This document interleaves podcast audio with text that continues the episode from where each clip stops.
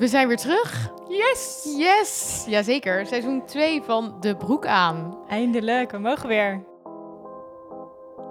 Welkom bij De Broek aan. In deze podcast gaan Aukje, Annemarie, Elise en Floor in gesprek over de uitdagingen die het werkende leven biedt. De Broek aan is een podcast van ECRC en ECRC is het netwerk voor vrouwelijke professionals. Nou, dames, we hebben ook wel even wat uit te leggen. Ik wou net zeggen, het heeft ook wel even geduurd. Nou, ik wou het zeggen. Maar goed, ja, ik denk ook, ik dacht ook toen ik dit aan het voorbereiden was, iedere podcast guru zal je vertellen, nou, je moet niet te veel tijd tussen seizoen 1 en seizoen Exact. 2 hebben. Ja. Nou, niet gelukt. Hebben we optimaal uitgespeeld, die tijd daartussen. Maar misschien moeten we nog uitleggen voor de luisteraar Ja. waarom dat precies Ja, was. dat is denk ik wel goed. En de reden kan iedereen wel raden. Corona, Corona. lockdown. Ongeveer toen wij onze laatste aflevering van seizoen 1 online hadden gezet, eh, gingen we gewoon weer in lockdown en Ja. konden we niet meer samenkomen. En ja, dat, eh, wij nemen altijd op als we bij elkaar zijn. Ja, Dus dat konden we niet meer doen. nee, een goede en reden dus, toch? Dat is zo, maar eh, moet ik zeggen, vandaag zijn we bij elkaar met z'n vieren, maar we hebben wel even allemaal een sneltestje gedaan. Dat is eh, helemaal waar. Even Ja, getest, goeie- allemaal negatief. Dus we zijn all safe nu in, eh, ja, Ja. in mijn woonkamer toevallig vandaag. in de woonkamer van Elise. We gaan helemaal los. En we zijn terug eh, met de podcast eigenlijk zoals jullie die gewend zijn. We gaan eh, aan de hand van stellingen gaan we allerlei onderwerpen bespreken die op het pad van jonge werkende eh, vrouwen langskomen. Nou, ik noemde mijn tafelgenoten al even, Aukje en Elise. Ehm, en Annemarie zit aan de knoppen en die hoor je weer in een volgende aflevering. Deze aflevering gaan we het hebben over geld. Oeh. Ja, ja. Ehm, vrouwen en geld. Er is eh, waarschijnlijk veel gezegd en over gezwegen. Maar goed, het is nogal een vrij essentieel onderwerp in het leven. Het bepaalt welk huis je kan kopen, wat voor baan je hebt. Nou ja, ehm, maar eigenlijk is het denk ik ook iets waar we misschien veel te weinig over praten. Dus vandaar dat eh, wij dachten, dit onderwerp gaan we eens even aansnijden. Leuk, Floor, ik ben benieuwd. Ik begin even met een vraag. Ja. Zijn jullie financieel onafhankelijk? Ja. Ja. Heel goed. Jij? Ik ben ook financieel onafhankelijk. Ja, even checken. Ja, nee, ik snap het. Maar weet je ook, eh dit is een quizvraag, eh, weet je ook wanneer je financieel onafhankelijk bent? Ja, en dat is schrikbarend. Oh, mag ik hem nu Word hier beantwoorden? mee aangekeken. Maar waarom zeg ik word is schrikbarend? Omdat dat dus eigenlijk heel laag ligt, dat bedrag. Volgens mij ligt het rond de 900 euro dat gezegd wordt dat je financieel onafhankelijk bent als je dat hebt. Nou, dat is best een... eh, Ik bedoel, in de show notes zal ik even het exacte bedrag eh, Ja. schrijven, want ik heb het niet opgezocht van tevoren. Misschien weet jij het, Floor, maar volgens mij ligt dat heel laag. Alleen financiële onafhankelijkheid is voor mij dat je nou ja, de ruimte hebt om je eigen keuzes te maken, om je in je eigen onderhoud te kunnen voorzien, om uit een relatie te kunnen stappen als je dat zelf zou willen, zeg maar, en dat je je eigen rekeningen kan betalen. Ja, Ja, en ik denk ook, voor iedereen is financieel onafhankelijk zijn iets anders. Dus het is goed dat daar een grens is, zodat je het kan toetsen als persoon. Maar het is maar net ook wat voor levensstijl je hebt of wat je belangrijk vindt in het leven Ja. en hoe je dat hebt ingericht. En ik denk dat dat heel belangrijk is om, eh, Ja. ehm, nou ja, om dat ook die vraag aan jezelf te stellen van, eh, voel ik mij ook financieel ja. onafhankelijk? en dus zit- vrij om je eigen keuzes daarin Ja. te maken. Nou ja, je, eh, Elise, je zat op het goede spoor. Ik heb het even bij het eh, Sociaal Cultureel fijn. Planbureau eh, nagezocht. Maar er is nog een klein verschil, want wat jij noemt is economisch zelfstandig zijn. Dat is als je Oh. minimaal het bijstandsniveau eh, he- je beschikking hebt, zeg maar. En dat is eh, inmiddels ongeveer eh 1000 euro per maand. Maar goed, eh, ja, daar kan je natuurlijk, of natuurlijk, daar kan je niet helemaal in eh, voorzien in je eigen levensonderhoud. Ook als je kinderen hebt bijvoorbeeld. Dus Nee, dat red je. financieel onafhankelijk is als je minimaal het minimumloon verdient. Ah, en dat is ongeveer 1400 euro per maand. En er wordt geen verschil gemaakt met kinderen of zonder kinderen bijvoorbeeld. Want Nee, maar goed, ja, dat bepaalt natuurlijk wel heel erg je... Ja, maar ik bedoel meer de, Situatie. de, eh, ehm, wat de normen daarvoor zijn. Want als het echt om één persoon gaat, dat, ze zou dat nog verder uit kunnen dragen. Dat met Ja, dat is wel kinderen zo, je hebt, toch? Ja, Ik denk ook dat ehm, financiële onafhankelijkheid is natuurlijk nog steeds wel gewoon heel erg dan geïnterpreteerd als je kan het minimale Ja. doen Betalen, en in je ja. eigen leven voorzien. Ja. Maar Ja. oké, dan eh, moet ik mezelf corrigeren. Dan waren de cijfers iets anders. Dan heb Maar ik je eh, data van een paar jaar geleden in mijn hoofd. je Ja. zat eh, op het goede spoor. Ik denk dat het goed is om even een kleine disclaimer richting de luisteraar te doen. Want nou ja, we hebben, jullie kennen ons nog uit seizoen 1 natuurlijk.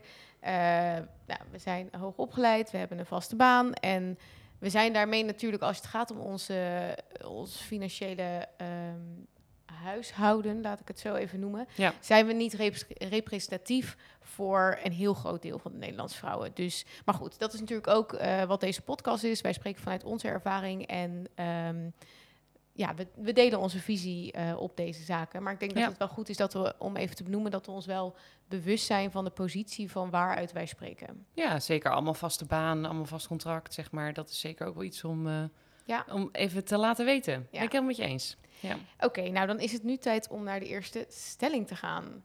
We hadden het er net al wel een beetje over, maar goed. Financieel onafhankelijk zijn betekent een gelukkig leven. ja, ik vind van wel. Ik zeg nee. Jij zegt Oh. nee, Aukje. Oh, ja, maar dat is misschien meer hoe ik hem interpreteer hoor. Vertel. Nou, omdat een gelukkig leven is meer dan, dan hoe je je geldzaken hebt geregeld. Ik denk wel dat, het, dat als je geldzorg hebt, dat dat je ongelukkig kan maken. Maar hoe stellig we hem nu stellen, zeg ik nee. Omdat ik vind dat het meer is dan.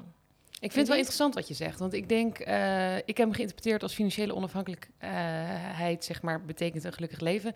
Ja, omdat het je ruimte geeft om je eigen leven vorm te kunnen geven zoals je het vorm wil geven. Dus je bent niet afhankelijk van iemand anders, van de invulling voor, van je leven. En dat is hoe ik hem interpreteerde. Maar ik sla ook meteen heel erg aan op wat jij net zei. Want ze hebben ook wel eens onderzoek gedaan en daarin hebben ze ook onderzocht dat ehm, geluk tot een zeker inkomen toeneemt, omdat het je namelijk meer flexibiliteit geeft, de ruimte geeft om weet je wel op vakantie te gaan en alles Ja. te doen wat je wil. Maar op een gegeven moment is daar een kantelpunt. En als je dan Ja. dus meer gaat verdienen, draagt het niet meer bij aan geluk. Ik doe het hier tussen aanhalingstekens, zeg maar, want inderdaad, hoe definieer je geluk? Maar ehm, het zorgt het eigenlijk alleen maar voor meer zorgen, zeg maar, en draagt het gewoon niet meer bij aan, aan een gelukkig gevoel. Dus ja, Ja. interesting eh, stelling om erin te gooien. Ja, nou ja, Ja. ik denk inderdaad wel dat hè, de grote keuzes des levens, een huis kopen, eh, de keuze, ja, ook zoiets als je hebt een hele stressvolle baan en je wil graag wisselen van baan, ja, dat heeft ook effect eh, op je inkomen of Ja. je minder gaat werken, et cetera. Dus ja, ik denk wel dat het, ehm, ik denk inderdaad, ik ben het wel met je eens ook dat het niet alles in het leven is, maar ik denk dat het heel Maar het is super bepalend, want het Ja. voorbeeld wat jij noemt, zeg maar van als je een baan hebt en je wil switchen van baan, Ja.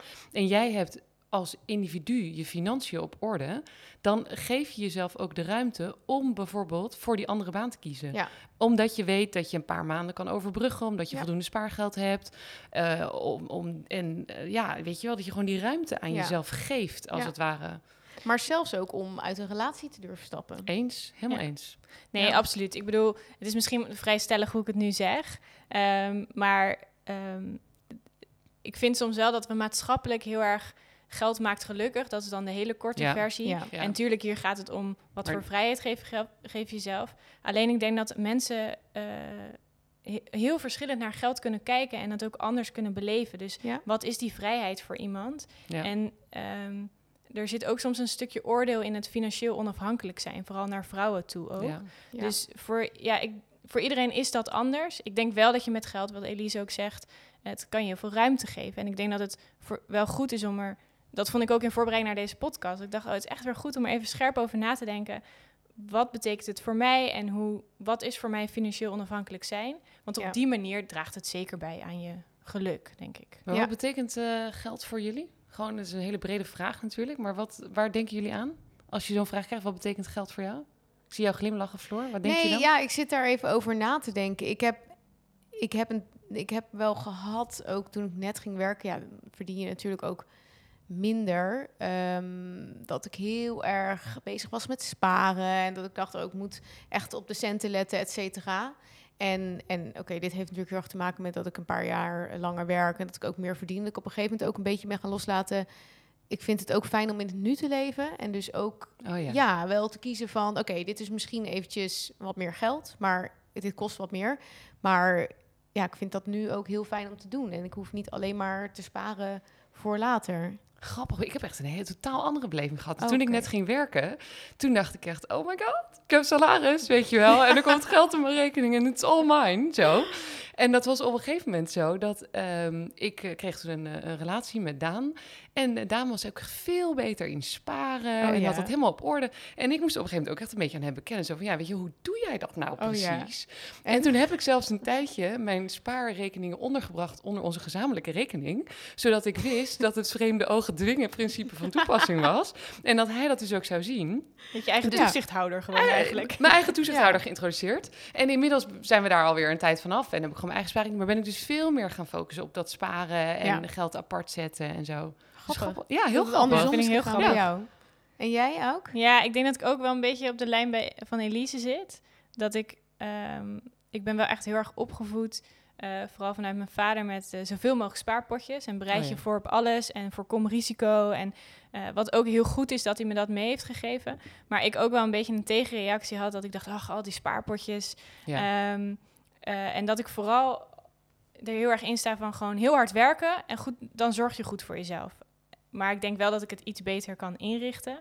Eh, dus wat ik op een gegeven moment zelf heb gedaan eh, om dus wel op een goede manier met geld om te gaan, is ehm, ik heb gewoon een. Dus je hebt je vaste lasten. Nou, dat is helemaal uitgerekend waar dat voor nodig is. En eh, onderhoudspotjes en dat, dat soort dingen. En dan blijft er een bepaald bedrag over. En daarvan heb ik een keuze gemaakt. Dit is het bedrag wat ik maandelijks kan uitgeven aan boodschappen, uit eten of wat dan ook. En als, je, als ik dus meer ga verdienen, dan kom ik daar niet aan. Oh, waardoor ja. je standaard altijd op dat Oh. niveau blijft. En, tuur, en dat betekent dat je dus meer kan sparen of Ja. nou ja, andere ja. dingen kan doen. Maar daar maak ik dan een bewuste keuze in, omdat ik dus van mezelf weet dat ik niet zo georganiseerd... Ik ben gewoon niet zo georganiseerd en dat zie je dus terug Ja, in de ja, ja. geldzaken. Nou, Oh, wel- ja. Mijn ouders eh, adviseerden ons altijd al vanaf ons eerste baantje dat je eigenlijk meteen vanaf je eerste salaris 10% apart moet zetten. Dus dat je nooit voelt dat je dat krijgt. En dat is zeg maar niet eh, alles wat je moet sparen, maar dat is gewoon je base case als het Ja. ware. En dat je dat altijd moet blijven doen. En omdat je dan ook niet wendt aan het salaris, zeg maar. Ja. En het was natuurlijk gewoon heel erg om ons als eh, 14-jarige bewust te maken van... hé, je krijgt eh, 10 euro eh, in de week, weet je wel. Ja, ja, ja. Spaar er een beetje van, dan eh, oefen je met dat principe. Maar het is, eh, ja, ik, ik moet heel erg denken aan dat begrip lifestyle-inflatie. Oh, of wat jij net zegt. Omdat dus, eh, ik eh, luisterde een keer een podcast en toen ging het daar heel erg over. Omdat heel veel mensen dus denken elke keer als ze bijvoorbeeld... eh, hè, wij kennen natuurlijk ook allemaal mensen in ons netwerk. Die maken dan allemaal promotie en die maken een mooi, mooi stapje en gaan dan meer verdienen. En gaan dan hun hele levensstijl daarop aanpassen. Ja. Wat natuurlijk ook heel risicovol is. Want wat als je, waar we het net over hadden, op een gegeven moment ergens anders wil werken Ja. of, een, of een stap terug wil doen, dan kan het bijna niet meer, omdat je die inflatie op jezelf, zeg maar, hebt eh, toegepast en Ja. je heel anders bent gaan leven. Maar zijn jullie heel bewust bezig met ehm, waar geef ik mijn geld aan uit? Dat je bijvoorbeeld. Kijk, ik heb bijvoorbeeld wel eens geprobeerd om ehm, een maandelijks overzicht te maken met waar geef ik mijn geld aan uit. Nou, dat heb ik precies twee maanden gedaan. en toen ben ik er weer mee gestopt. en nu is het ook een beetje van: oké, ja, wat ik overhoud, dat maak ik dan over naar mijn spaarrekening. Ik moet zeggen dat corona natuurlijk ook wel heeft gemaakt dat je gewoon echt minder geld uitgeeft. Dus dat er Ja. meer overblijft. Tenminste, dat was bij mij zo het geval. Ehm, maar eerder deed ik ook wel de tactiek: ik maak eerst een vast bedrag meteen over naar mijn spaarrekening. Ja. Want dan is de drempel om het weer terug te halen op het moment dat je, eh, nou ja, dat je Ja. ongeveer halverwege de maand bent en je leefgeld is op, eh, is dan ook wat groter. Ja, Maar ik heb nog steeds die tactiek hoor. Oh ja. Dus bij mij gaan er, eh, zeg maar, eh, vaste lasten gaan er af en, en eh, spaarpotjes, zeg maar. En ik heb wel meer spaarpotjes dan één. Daan zegt wel eens tegen mij, waarom al die spaarrekeningen? Maar dan denk ik, ja, de ene spaarrekening is voor dat en de andere Ja. spaarrekening is voor dat. En ehm, dan, ehm, ja, heb ik wel de drempel zo van, dit is het bedrag waar ik als het ware van mag leven en waar ik dus zelf van mag kiezen of ik het aan schoenen uitgeef of aan een etentje of, of een Ja. weekendje weg. En als het dan op is, of bijna op, of het einde komt in zicht, zeg maar. Ja. Dat ik dan dus moet gaan denken, oh, maar is het dan waard om geld van mijn spaargeld te halen of niet? Ja. Maar ik heb ook gewoon van mezelf heel erg geleerd, ik functioneer beter met minder geld op mijn lopende rekening. Dan ben ik gewoon veel bewuster van mijn geld. En als Oh, daar ja. heel veel geld op staat, dan denk ik, oeh, ik heb heel veel geld.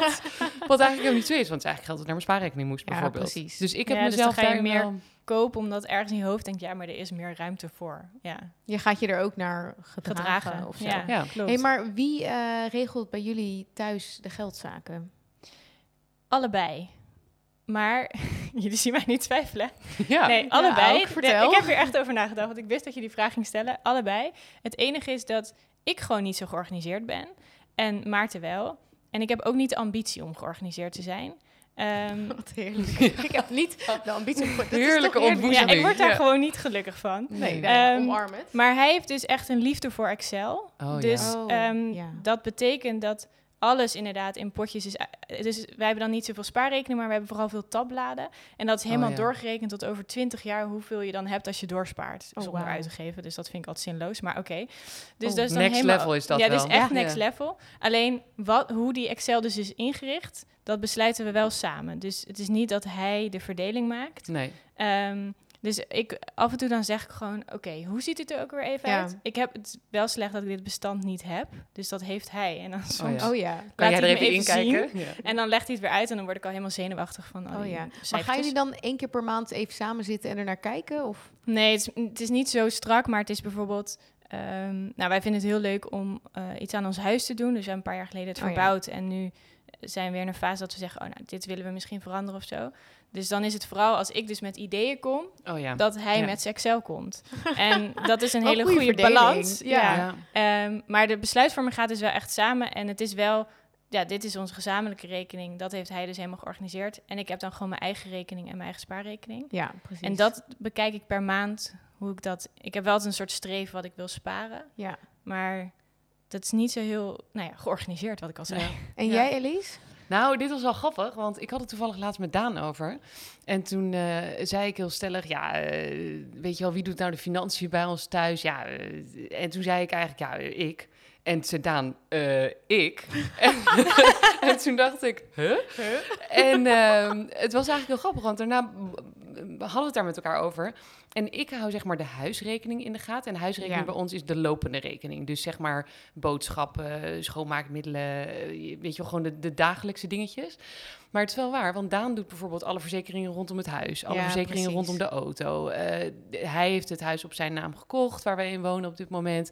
Dus hij doet alles rondom de hypotheek. En toen dacht ik, oh, dat is eigenlijk best wel waar. Misschien doe ik hem wel echt tekort hierin. Want het is wel waar dat hij dat allemaal doet. Maar Ja. wat wij ehm, één keer per jaar, dus credits daarvoor, mocht hij dit eh, terugluisteren, dat ik dat ook echt wel zie. Heel goed. Maar ehm, één keer per jaar doen wij wel een soort van groot moment. En dan lichten we de hele financiën door. Oh ja. En dan is het echt van wat is er veranderd in eh, hoogte van bedragen bijvoorbeeld die we aankomend jaar moeten betalen. Eh, hoe zit de verdeling eh, onderling in elkaar? En wij hebben natuurlijk, we hebben een gezamenlijke rekening, maar sommige dingen gaan ook van Daanse rekening, omdat hij bijvoorbeeld hier al eerder woonde. Ja.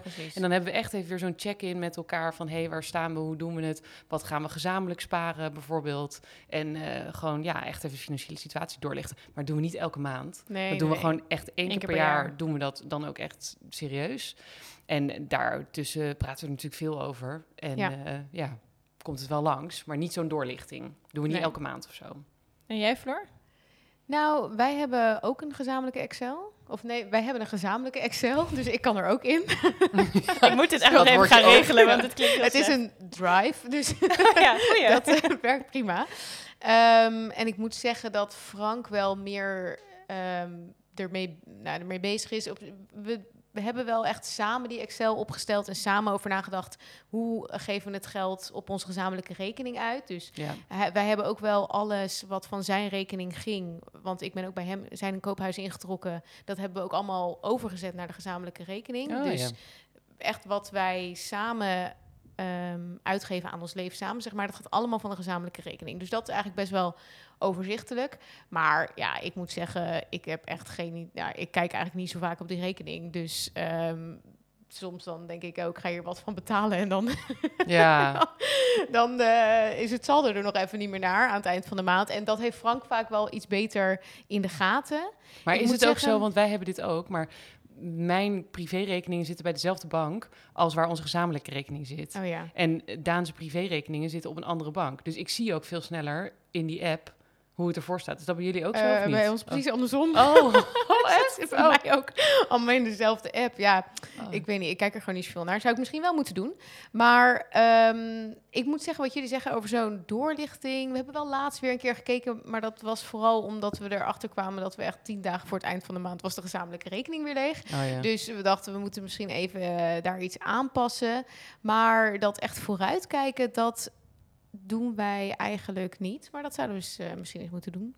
Wat wel goed is om denk ik nog te melden, want dit is ook weer zo'n situatie dat wij alle drie in een relatie zitten en dus ook met iemand anders Ja. daar je rekening mee moeten houden. Goed punt. Al moet ik wel zeggen dat toen ik geen relatie had, ik denk ik iets meer YOLO was dan ja, dat ik nu ben. dat ik ook. Omdat ja. ik dan Ja. dacht ik, ja, niemand ziet het toch, Nee. weet je wel, als, ik, als het maar goed komt. Ja, Maar dat is dus, dat is wel, dat ben ik wel met je eens. Dat is bij mij dus de reden dat wij dus bij drie verschillende banken zitten. Dus we Oh. zitten gezamenlijk bij een bank en wij ieder eigen, omdat ik gewoon principieel gewoon vind dat hij niet, ik wil gewoon niet dat hij in mijn rekening kijkt en niet omdat ik hem niet vertrouw, maar gewoon dat is van mij en dat is mijn, ik weet niet, dat wil ik helemaal Ja. zelf inrichten. En dan blij- blijf ik me ook een beetje een individu voelen. ja. Dat vind ik er wel prettig ja. Hey, Wij zijn zo open daarin, joh.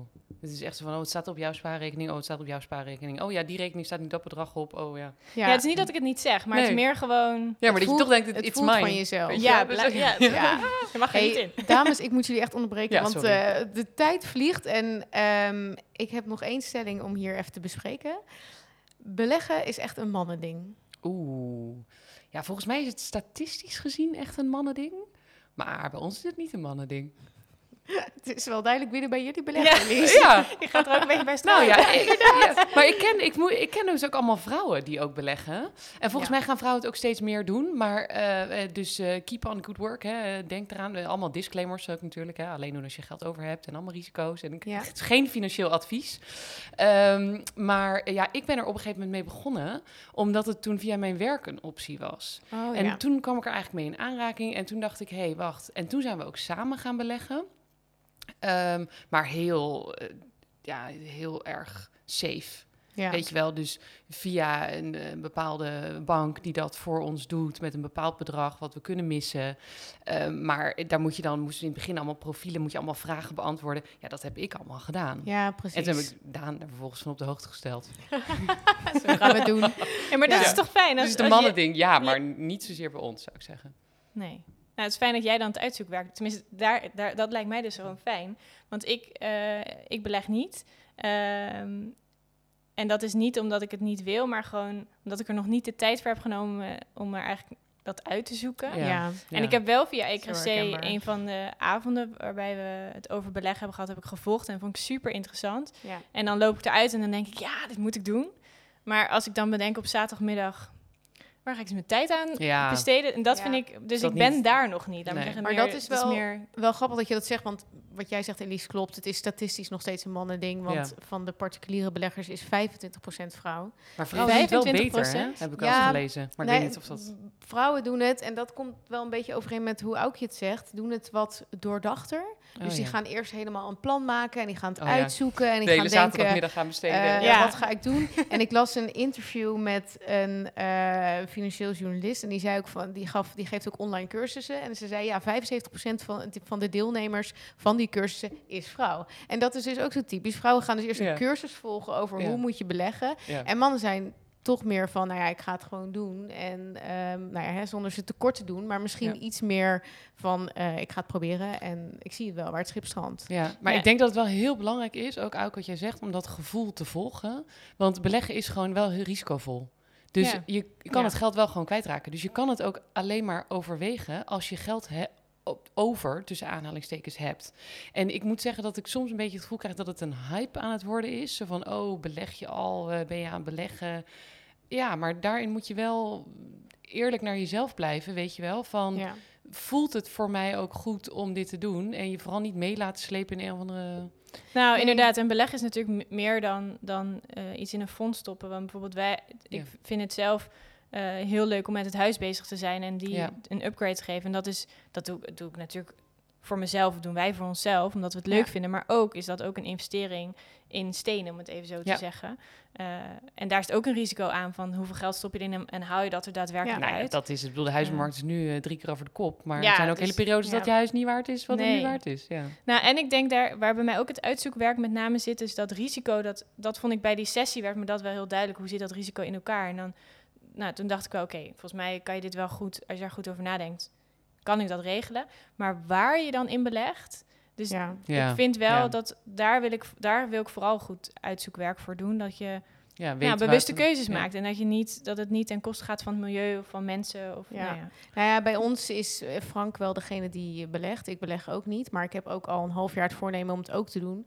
Maar wij hadden ook een beetje zoiets van, ja, kunnen we het dan niet beter samen doen? Want dan heb je ook gewoon een groter vermogen om iets mee te doen. Maar toen dacht ik wel, ja, dan Ja. weet ik wel hoe dat gaat. Dan gaat hij dat natuurlijk doen. Dat is in de praktijk hoe dat dan Ja. werkt. En dan denk ik wel van, ja, dan ga ik gewoon best wel veel geld die kant op schuiven. En hij gaat daar, nou ja, waarschijnlijk allemaal hartstikke doordachte dingen mee doen. Ik bedoel, vertrouw hem daar zeker in. Maar stel het gaat dan uit Ja, dan? dan? krijg je wel een ingewikkelde discussie. Dus toen hebben we bedacht, oké, dan gaan we eerst eh, alles vastleggen, samenlevingscontracten, nemen we dit ook in op. En dan gaan we dat samen doen. Nou ja, die, begrijpt, dat zijn van die eindeloze Ja. processen.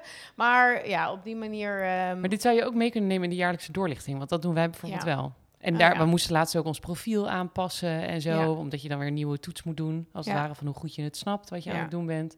En dan ja, zou je dat mee kunnen nemen. Ja, zeker. Nou, allemaal eh, onwijs goede tips komen hier ook weer voorbij. En we gaan dan weer richting afronding. Alleen hebben we nog onze rubriek. En jullie, eh, we hadden natuurlijk het eh Powervrouw momentje van de week. We hebben het iets aangepast.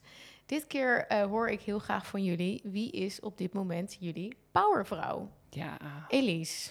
ja, ik heb hier Trap best af. even over nagedacht, want er zijn natuurlijk zoveel epische vrouwen. En toen dacht ik, ja, wie kies je dan uit en, en wie, waarom? Uiteindelijk heb ik gekozen voor Melinda French, bij de meerderheid bekend als Melinda Gates. Oh, maar ja. dat Oh is ze natuurlijk niet meer, want ze gaat scheiden, Scheiden. van Bill Gates. En eh, toen dacht ik, ja, wij kennen natuurlijk helemaal niet de ins en outs van hun relatie, maar zij Nee. is ook wel echt een powervrouw. Gewoon wat zij namelijk ook zelf voor elkaar heeft gebokst, welke positie zij heeft in hun gezamenlijk bedrijf. En eh, ik zag ook al dat zij nu haar achternaam dus aan het veranderen is op haar social kanalen. Van Oh, Melinda. Gates naar Melinda French Gates. En dat wordt natuurlijk straks gewoon Melinda French. Ja. En toen dacht ik, nou, er zit toch wel iets van empowerment in. Ja. Dat ook iemand die zo in de spotlight staat, zeg maar, toch ook nog een Ja. punt achter een huwelijk durft te zetten. Wat door iedereen gezien werd als soort van het eh, huwelijk wat succesvol was.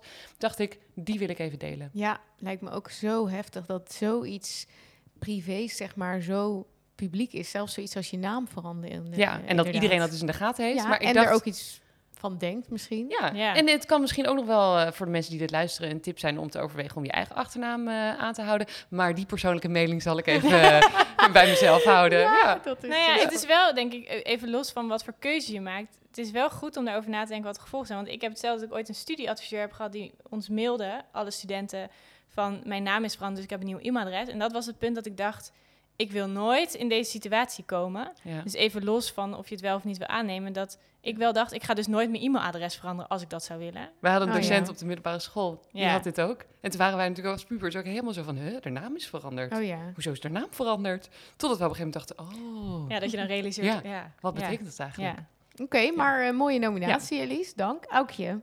ja, ik heb mega keuzestress. Oh, Nou ja, je kan natuurlijk echt duizend eh, powervrouwen noemen. gelukkig wel. Ehm, Oké, maar ik ga nu. Oké, ik ga gewoon voor deze.